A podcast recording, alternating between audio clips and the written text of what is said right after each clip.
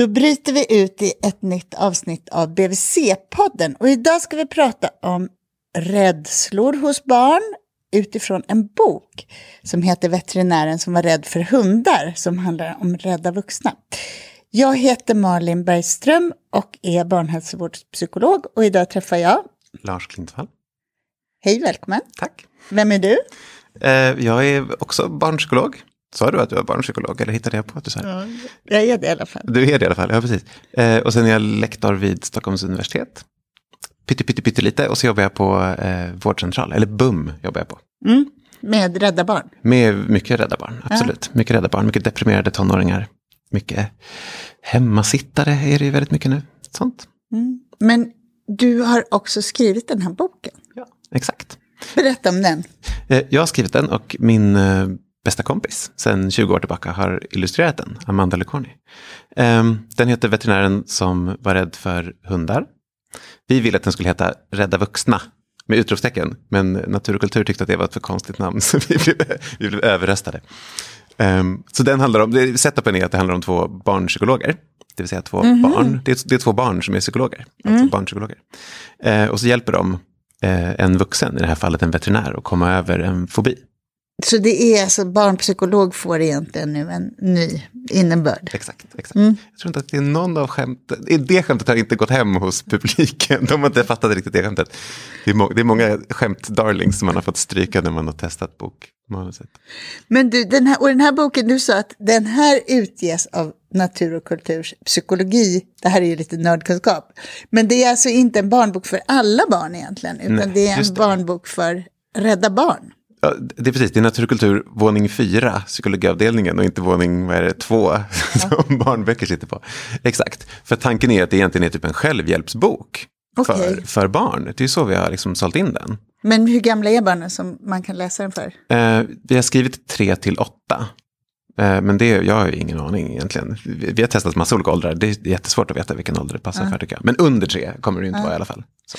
Men du, är treåringar så rädda så att de kan behöva hjälp och självhjälp? Gud ja, de är, ju, de är ju räddast av alla, höll jag på att säga. Eh, skillnaden med just treåringar och till exempel åttaåringar är att treåringar inte får vård för det. Eh, som till exempel jag då som jobbar på, på BUM, det kommer ju inga treåringar med, med fobier till exempel. Och det är ju för att man, de allra flesta vuxna tänker att barn är rädda. Och man kan också ganska mycket liksom jobba runt sådana små barns rädslor. Och såklart, de allra flesta sådana rädslor hos så små barn går ju över av sig själva. Inte så många som jag tror folk i allmänhet tror. Eh, man brukar säga liksom i forskningen att, att eh, ungefär hälften av de som uppfyller diagnoskriterierna för en ångestdiagnos i förskoleålder kommer bli av med den spontant. Men det betyder också att hälften inte kommer att bli av med den spontant. Och det är ju ett jättestort problem eftersom ångestdiagnos i tidig barndom är liksom den bästa, eller om man ska säga sämsta prediktorn för depression senare i livet. Alltså det vill säga i tonåren. Eh, och det får jättestora konsekvenser för liksom skolresultat och kompisar och livskvalitet. Så, att, så att det finns en väldigt stor poäng med att liksom försöka fånga upp de här barnen mycket, mycket tidigare än vad vi vanligtvis brukar göra. Nu tror inte jag att den här boken är tänkt som liksom en, en behandling som Nej. man ska liksom göra så här istället för att gå i, i riktig, riktig terapi. Liksom. Utan den är mer såklart tänkt som lite förebyggande så. När en rädsla är liksom liten så kan man hitta verktygen för hur man ska hantera framtida rädslor. Så tror man ska Och är det så man ska tänka när det gäller de yngsta barnen? För du säger att de får inte behandling. Vi identifierar inte dem som ångeststörda eller... Och föräldrar söker ju inte hjälp för dem. Liksom, Nej. för att, Men vad, vad är det egentligen som är hjälpsamt för så små barn? Om man tänker tre till femåringar typ. ja, det finns jättelite forskning på behandling för så små barn. Eller det finns inte alls egentligen. Den, den, den behandlingsstudier som kommer är ju för äldre barn. Liksom. Så det enda vi kan göra är att liksom generalisera det vi vet om äldre barn och dra ner det. Och den tendensen som finns, förutom då generellt då att, att den metod som vi beskriver i den här boken som är exponeringsterapi, att liksom steg för steg vänja sig vid det som är ångestväckande. Eh, desto yngre barnen är, desto mer handlar det om att det egentligen är föräldrabehandling. Alltså att man hjälper barn, föräldrarna hur de ska hjälpa barnen. Så det är inte som att man tar en treåring och sätter dem i terapisoffan och liksom, nu ska vi prata om hur du reagerar när du möter hundar. Utan det handlar mer om att man pratar med föräldrarna om hur kan ni göra när barnet blir väldigt rädd så att ni liksom inte skrämmer upp barnet mer och att ni signalerar att det är okej okay att man är rädd. Eh, man kan göra de här sakerna, man kan gå till förskolan fastän man har ont i magen för att man tycker att det är jobbigt att prata på samlingen till exempel. Det är inte farligt att ha ont i magen för att man tycker att det är läskigt. Jag tycker att det är läskigt att prata på mitt jobb. Det är klart att du tycker att det är jobbigt att prata på förskolan. Liksom. Att man liksom normaliserar och allt sånt där. Det är den behandlingen som man gör för så här små barn. Liksom. Men att normalisera och att sådär, det, det, det inte det, går inte det ändå lite tvärs emot de här principerna om att man måste eh, utsätta sig för ja, att bli av med rädsla? Ja, bra fråga. Alltså, normalisera är inte samma sak som att säga du är rädd och då kan vi strunta i att gå till förskolan. Utan normalisera är väl snarare att säga, jag, jag förstår att du är rädd, men man kan fortfarande gå till förskolan. Mm. Man kan vara rädd och göra de här viktiga sakerna. Så du menar att det är sättet att peppa barn att våga utsätta sig? Ja, det tror jag. Att, att normalisera det, att det inte är något konstigt. Det är inte farligt att vara rädd. Eh, det är mänskligt att vara rädd. Eh, prata om hur det känns i kroppen när man är rädd. Ja, ah, just det, då slår hjärtat och då sticker det i fingrarna och du vet, allt sånt här. Mm. Eh, och det, det, betyder inte att man liksom måste normalisera och därmed undvika, utan tvärtom normalisera och fortsätta göra viktiga saker. Det som jag kan så spontant känna att jag tycker är härligt med en sån här bok, det är att det smittar ju rädsla. När barn är rädda så smittar det vuxna och det finns någon sån där, ja men det finns någon sån här klump i bröstet kring det barn som inte vågar saker och man tänker så här, herregud, hur ska det gå? Nu kommer man aldrig lära sig simma för den vågar, eller liksom så. Det, jag tycker det finns något positivt med att skoja lite om det. Liksom. Mm. Ja, ja, men det är tanken, att ta någonting som vuxna tycker är ett allvarligt ämne och ändå mm. Prata om det på ett kul sätt med barnen. Absolut. Det Vad har ni fått för respons då? Tycker barnen att den här boken är kul? Ja, jag, jag trodde nog att de, bara, att de bara skulle tycka att den var kul. Men alla de här testpubliken som vi har kört, de tycker nog mer att den är spännande än de tycker mm. att den är Berätta historien. Haha, rolig. Alltså historien är att de ska gå till uh, djursjukhuset för att de här två barnen, Jasmin och Anton heter de, de har en hund som är sjuk på något sätt. Och då går de till djursjukhuset och då är eh, väntrummet helt fullt med folk för ingen kommer in till veterinären. Och då visar det sig att det är för att veterinären gömmer sig för att hon är rädd för hundar. Eh, och då lyckas de liksom övertala henne om att hon ändå ska berätta vad det är som har hänt. Och då har hon ett så här klassiskt pavlovianskt inlärningstillfälle där hon associerade en läskig film med hundar och blev rädd. Och sen så gör de liksom en, en eh, exponeringsterapi med henne. Mm. Så först börjar de med att de eh, klappar på en liten leksakshund och sen så leker de att de är hundar och sen plockar de fram massa gulliga hundvalpar. Och sen till slut när hon har liksom vant sig vid alla de här grejerna då och märker att hon kan klappa hundarna och leka hund fastän hon hjärtat slår hårt. Så kan hon till slut liksom hjälpa hunden då som de kom dit med från början. Och då kan hon börja göra sitt jobb. Så hon kan liksom, det är en berättelse om en vuxen som inte klarar att sköta sina uppgifter på grund av ångest. Och sen på slutet så kan hon det. Och det där kunde barn leva sig in i och känna igen sig. Och ja, exakt. Det var lite spännande. Exakt. Ja, precis. Och sen på slutet har vi liksom, efter att vi gjorde alla de här testläsningarna, eh, så har vi kommit fram till att, att vi har liksom diskussionsfrågor på slutet. För man märker att det är så man vill använda boken.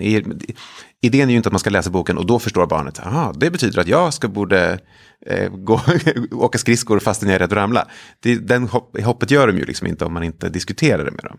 Så då är tanken snarare att man läser boken och sen så finns det diskussionsfrågor där man kan prata om. Så här, ah, känner du någon vuxen som är rädd för någonting? Känner du något barn som är rädd för någonting? Eh, och då brukar barnen spontant säga vad de också själva är rädda för.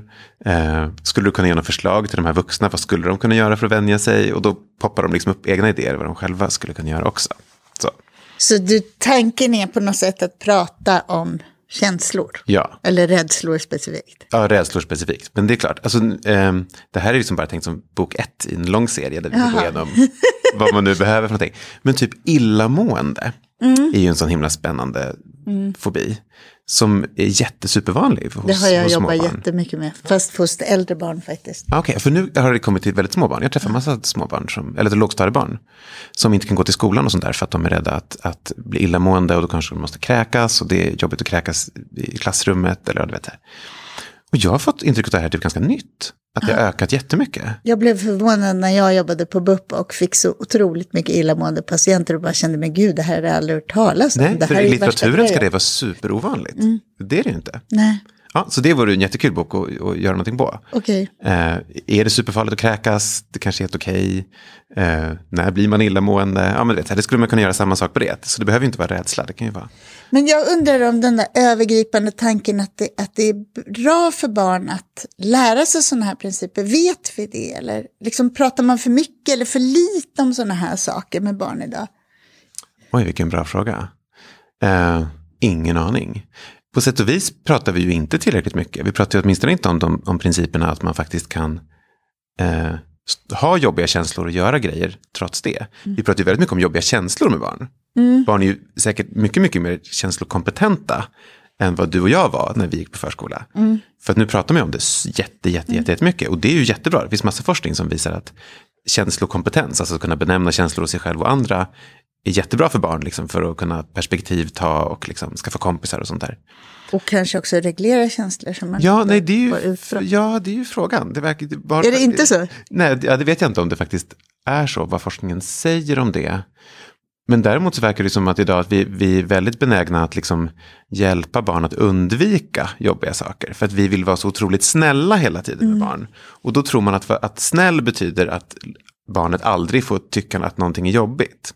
Och det kan ju vara snällt här och nu. Liksom. Men på sikt så är det en, farligt om, vi, om vi liksom, sensmoralen för barn blir att om jag tycker att någonting är läskigt, då är det rätt att undvika den saken. Eller om jag är illamående, då får jag absolut inte vara kvar. Om det finns en risk att jag skulle kunna bli sjuk, då får jag inte eh, åka på det kalaset. Då är det klart att, att, att det finns en risk att barnen börjar undvika en massa grejer. Och det blir ju liksom tråkigt för dem Men- på lång sikt. Men det du säger är egentligen att det vi är riktigt bra på det är att försöka anpassa omgivningen efter barnet. Och det har vi blivit väldigt mycket bättre på. Snarare än att stärka barnets kompetens att hantera alla utmaningar. Inte, nu är jag ute på extremt djupt vatten. Det finns ju ingen forskning på det här såklart. Liksom. Nej, men, men om man tänker på drivkraften med att skriva en sån här bok och ändå tänka att det här kommer vara gynnsamt för barn att läsa den. Ja, det är ju absolut att, att man vill att, att lära både föräldrar och barn att det är helt okej att vara rädd. Att man ändå kan göra grejer. Det är ju det som är liksom drivkraften, absolut. Och inte tro att man ska kunna lösa det. Man kan inte leva livet och aldrig vara rädd. Det kommer inte vara, liksom, bli så roligt då. Utan man måste våga utmana sig också. Du, om man, om vi liksom lyfter blicken lite så, för jag tänker att eh, om man har de här diskussionerna, jag, vi, vi fattar båda två att vi läser en bok om någon som överkommer sina rädslor och det är väl det alla klassiska sagor kanske handlar om ändå, man möter utmaningar och sen får man ändå prinsessan på slutet. Man, I alla fall i den här åldern får man ju det, absolut. Ja. Men, men eh, jo, jag ville fråga så här. Är det så att man ändå tänker att om man har de här samtalen som ni hoppas att boken ska leda fram till och ni har förslag på frågor, att det på något sätt skulle kunna hjälpa oss att eh, hantera rädslor? ja. Eller är det så att man också måste koppla på det här, alltså skulle det haft en föräldrahandledning i slutet? Ja, du menar så. Där det står, Ja, ja. Eh, gör nej, så men här. Det är klart att bara sitta och prata om saker kommer ju inte göra någon skillnad. Man kan ju prata hur länge som helst om. Jag tar ständigt exempel, eftersom jag är lärare på universitetet så pratar jag ju om ångest hela tiden. Och jag berättar ju alltid anekdoter om att jag är så otroligt rädd för att åka berg och dalbana. Jag har ju pratat om det här i tio års tid, har jag dragit det här exemplet. Jag har inte blivit mindre rädd för att åka berg och dalbana, för Har- att jag har pratat om det väldigt länge. Men har du åkt berg och? Nej. Nej. Exakt. jag, har, jag har liksom inte riktigt någonting som, som, som tvingar mig att göra det heller. Så jag, jag förlorar ingenting i livet på att, att undvika Gröna Lund. Eh, Men precis, att bara sitta och prata om det kommer ju inte göra någonting. Utan de här diskussionsfrågorna syftar ju till att sen när man är ute på stan och ska, jag vet inte vad, gå igenom spärrarna och barnen tycker att det är jätteläskigt. Då måste vi kunna hänvisa tillbaka till den här diskussionen man hade. Nu gör vi så här. Ja, men, ja, precis. Just det. Kommer du ihåg hur den här veterinären gjorde? Just det, då kan vi testa och så går du med mig. Först går du med mig en gång och sen nästa gång kan du testa att du går dit själv till exempel. Du, vad är det då, om man tänker att man lyssnar på det här som eh, personal på BVC, Ja. vad är det vi vill uppmana föräldrar att göra då? Som ändå finns lite beskrivet kring av den här, vad de här barnpsykologerna gör med den här veterinären. Ja, men okej. Man vill, det man vill att de ska göra är att sätta, hjälpa barnet att sätta ord på hur det känns i kroppen när man är rädd. Så att inte det blir en känsla som bara tar över en helt, utan att man kan benämna den känslan. Eh, och att man har lite, någon sorts lite plan för att så här, se lite längre bort. Att om jag tycker att det här är läskigt så, så kan vi ha som ett litet projekt på att det här är någonting vi ska öva på. Så kommer det att bli bättre. Så först så ska jag känna igen rädsla hos mig själv och inte bara mula ihop liksom. Utan, Mula ihop. Nej, precis. Jag ska inte mula ihop. Ja, precis. Och, också man, har liksom, man kan ju välja liksom ett litet projekt åt gången. Så här. Man, tar inte, man kan ju inte pusha barn för allting man tycker är läskigt hela tiden jämt. Det blir ju helt orimligt. Det skulle ju ingen vilja göra. Liksom. Men att man kan ha ett litet projekt. Så här, ja, den här situationen tycker du är jobbig. Gå på kalas är jobbigt. Då kan vi jobba på den ett tag. Och att man som, kanske som förälder också själv har en liten plan. Så här, det här grejen kan vi faktiskt pusha lite på.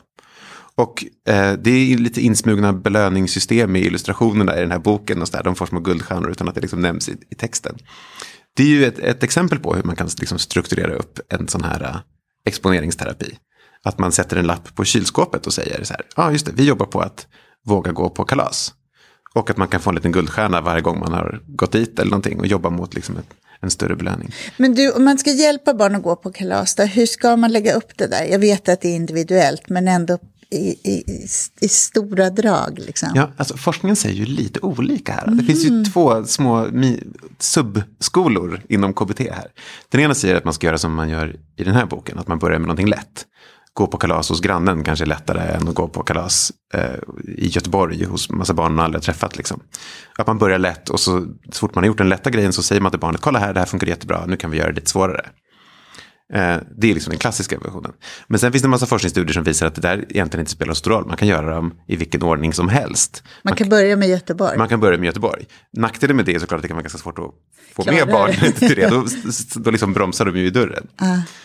Så det är inte säkert att det är praktiskt genomförbart. Men båda funkar lika bra för att behandla. Men har det, har det studerats med barn eller vuxna? Nej, det är vuxna. För det känns som att när man ska översätta det där till barn så är det ganska rimligt att man försöker... Det är svårare.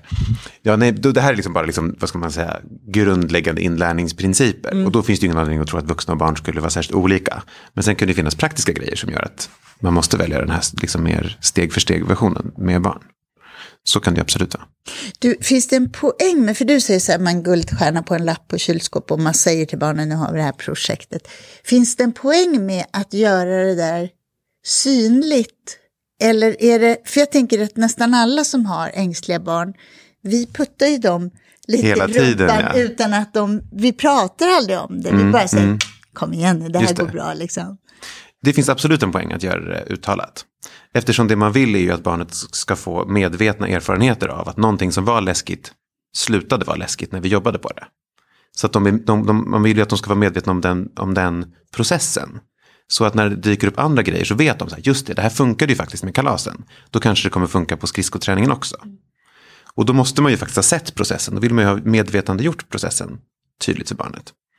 Får jag fråga där också, hur, är det, hur mycket vill man att barnet ska äga det där? För jag tänker att om man bara pushar barn, ängsliga barn utan att prata om det, så känner väl de att de gör det här med min hjälp. Liksom. Mm. Eller så. Finns det någon poäng med att de ska känna att de klarar saker själva? Är det det som... Ja, precis, såklart. Desto mer man kan lämna över ansvaret, desto bättre är det ju såklart.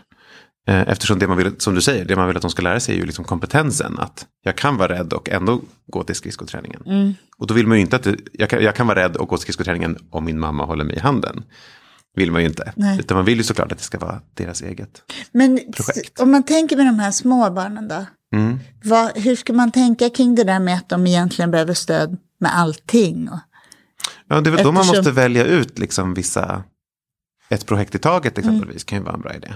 Jo, men bara tänka hela den där att, liksom, att de är beroende. De, jag måste finnas där för dem hela tiden som förälder för att de är så små. Mm. Så det finns ju också något rimligt i att de tänker att jag ska hjälpa dem med allt. Mm. Nej men herregud, det är superindividuellt ju var man drar den där gränsen och mm. hur mycket man kan pusha ett barn och så här. Men för, ett, ett litet stickspår, som jag tycker, bara för att jag själv tycker att det är intressant.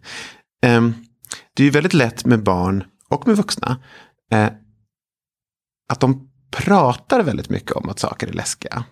Att man säger så här, jag kan inte göra det här. Eller, och jag är alldeles för rädd. Eller, eh, det här kommer aldrig gå. Och det är ju inte riktigt säkert att, att det är sant. Inte meningen att barnet ljuger eller någonting. Men det kan ju vara så att det här fyller funktionen hos barnet att det är ett sätt att be om hjälp. Eh, så att om barnet står på klätterställningen och säger eh, jag kan inte hoppa ner. Och då kommer en vuxen och lyfter ner barnet. Då är det klart att det blir ett sätt för barnet att liksom eh, be om hjälp hos, av vuxna. Att säga att jag kan inte göra det här, eller jag vågar inte. Fyller funktionen att någon kommer och hjälper en. Och risken med det, om vi hela tiden hjälper barn som säger att de inte kan göra saker, är att det kommer vara deras sätt att prata om sig själva. Är att de hela tiden sitter och säger jag kan inte, jag kan inte, jag kan inte. Medan det man kanske skulle vilja förstärka hos dem eh, är att kanske de säger kan du hjälpa mig?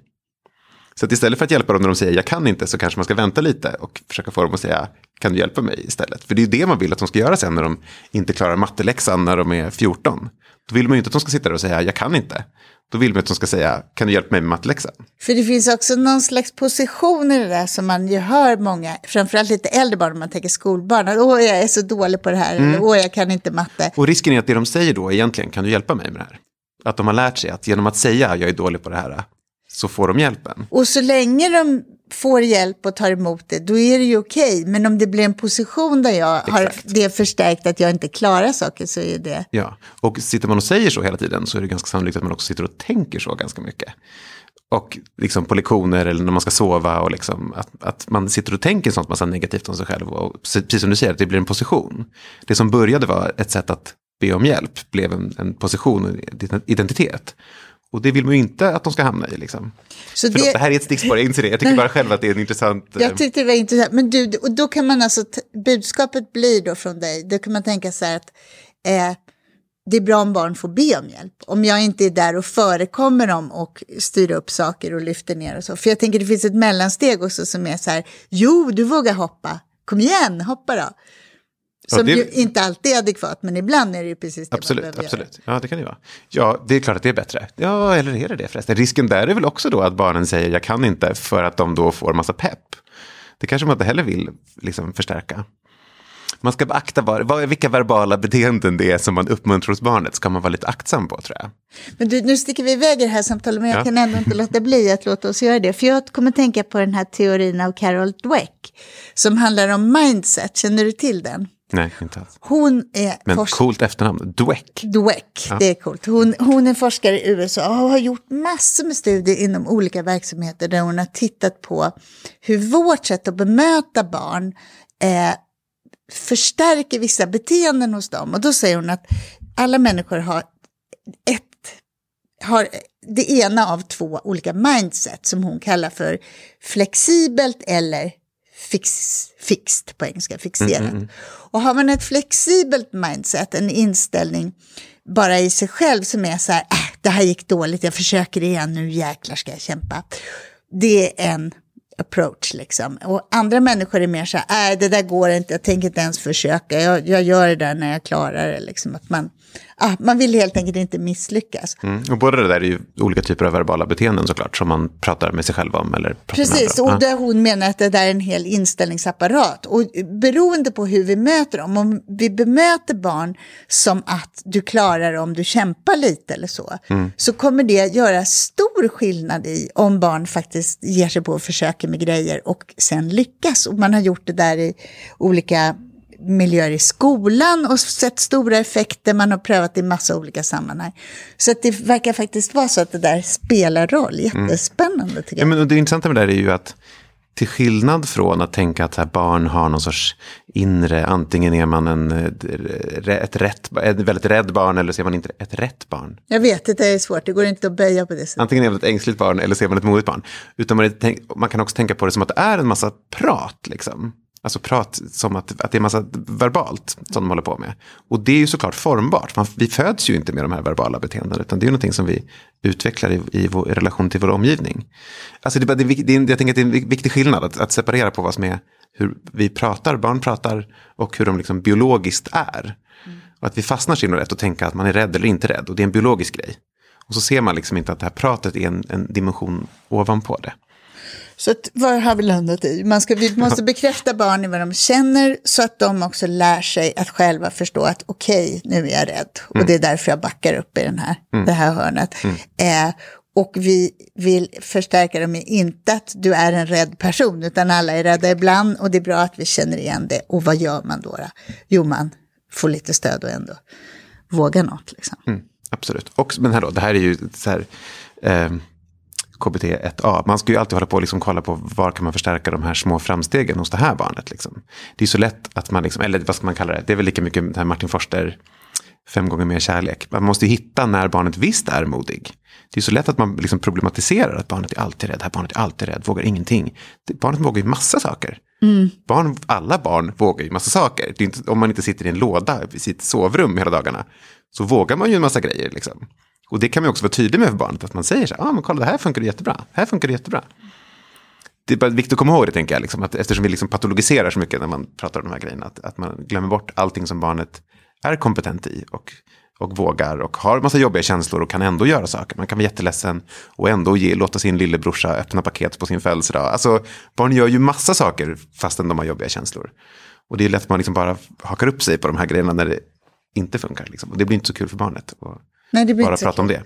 Du, jag undrar en annan sak, för du sa att den här boken, nu handlar den här om en veterinär som är rädd för hundar, men du sa till mig innan att det handlar ju inte egentligen om hundfobi, utan det handlar ju om generella principer för hur man kan göra om man är rädd för saker. Och ändå så vill ni göra en serie nu som är om olika slags rädsla. Generaliserar man sådär som barn då? Eller är det här, handlar det här om att vara rädd för hundar för barn? Eh, ja, men jag hoppas att diskussionsfrågorna ändå gör att, de, att, de, att man har större chans att generalisera.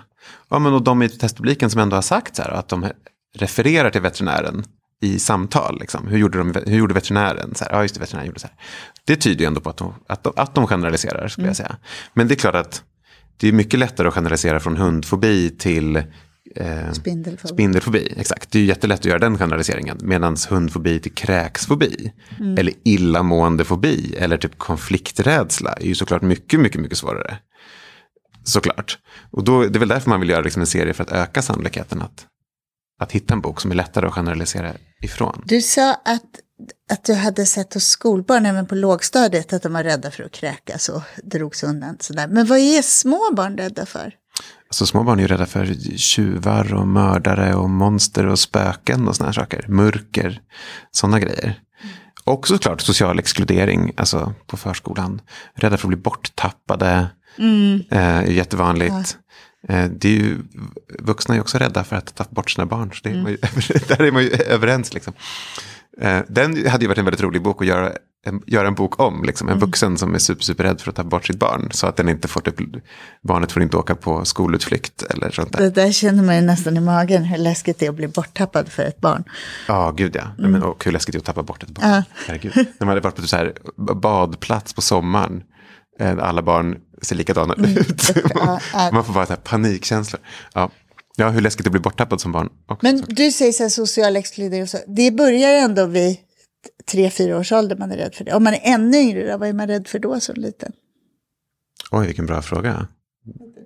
Eh, Alltså min, min största kliniska erfarenhet är egentligen av barn med autism i förskola.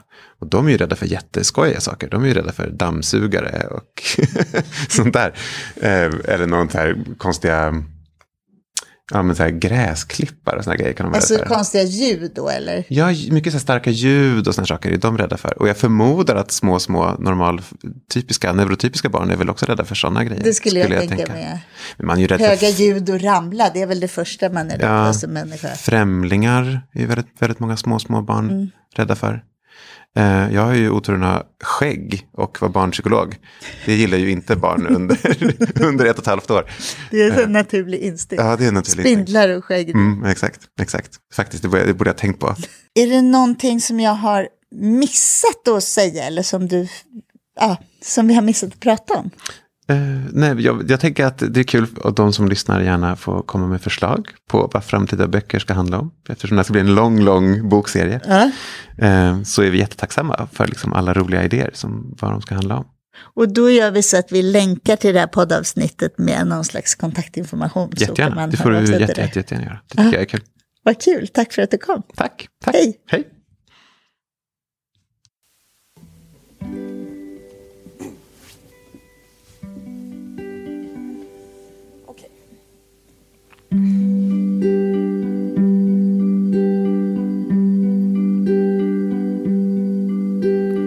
Födde barn till Björn Olsson Solen bröt fram precis när mitt barn kom.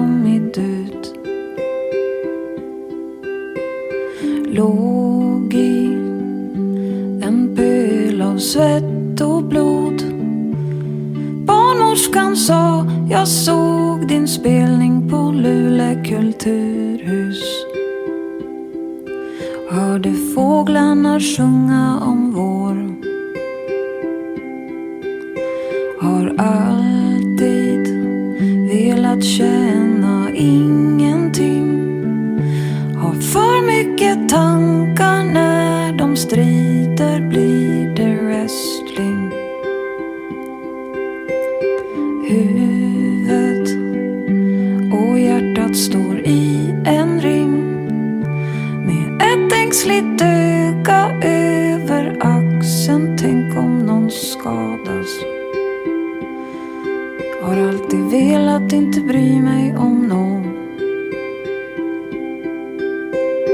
Sen du kom ser jag hur bladen knoppas, löven faller, jag är ett av dem.